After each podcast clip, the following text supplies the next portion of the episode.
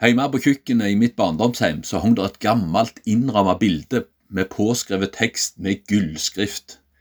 Og der sto det På Guds velsignelse beror alt. Alt liv, og alt som skal til for at liv får næring og vekstvilkår, det avhenger av Gud. Alt henger sammen, og vi er velsigna av den allmektige. Jeg tenkte på dette bildet når vi 17. mai og dette året sang fedrelandssalmen Gud signe vårt dyre fedreland. Så kjente jeg på at vi ber til Gud om at Han må velsigne vårt land. Vi har vært velsigna. Tenk bare på det at vi kan møtes til møter på bedehus og kirke helt fritt. Vi kan samle barn og ungdom i lag og på leir, til forkynnelse av Guds ord, til frelse og nytt liv og til oppbyggelse for truende mennesker. Vi har virkelig grunn til å glede oss over det.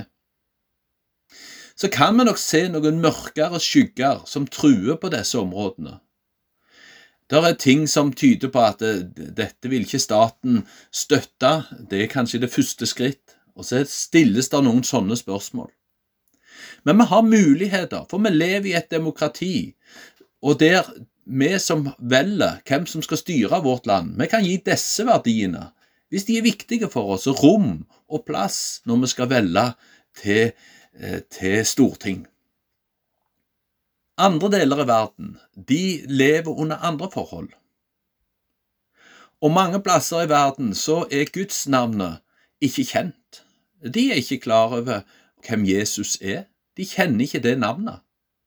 Og da er det stor grunn til glede oss at vi i løpet av denne sommeren skal sende ut elleve nye utsendinger fra vår region, og tre nye i ettåringstjeneste til arbeidet vårt rundt omkring i verden.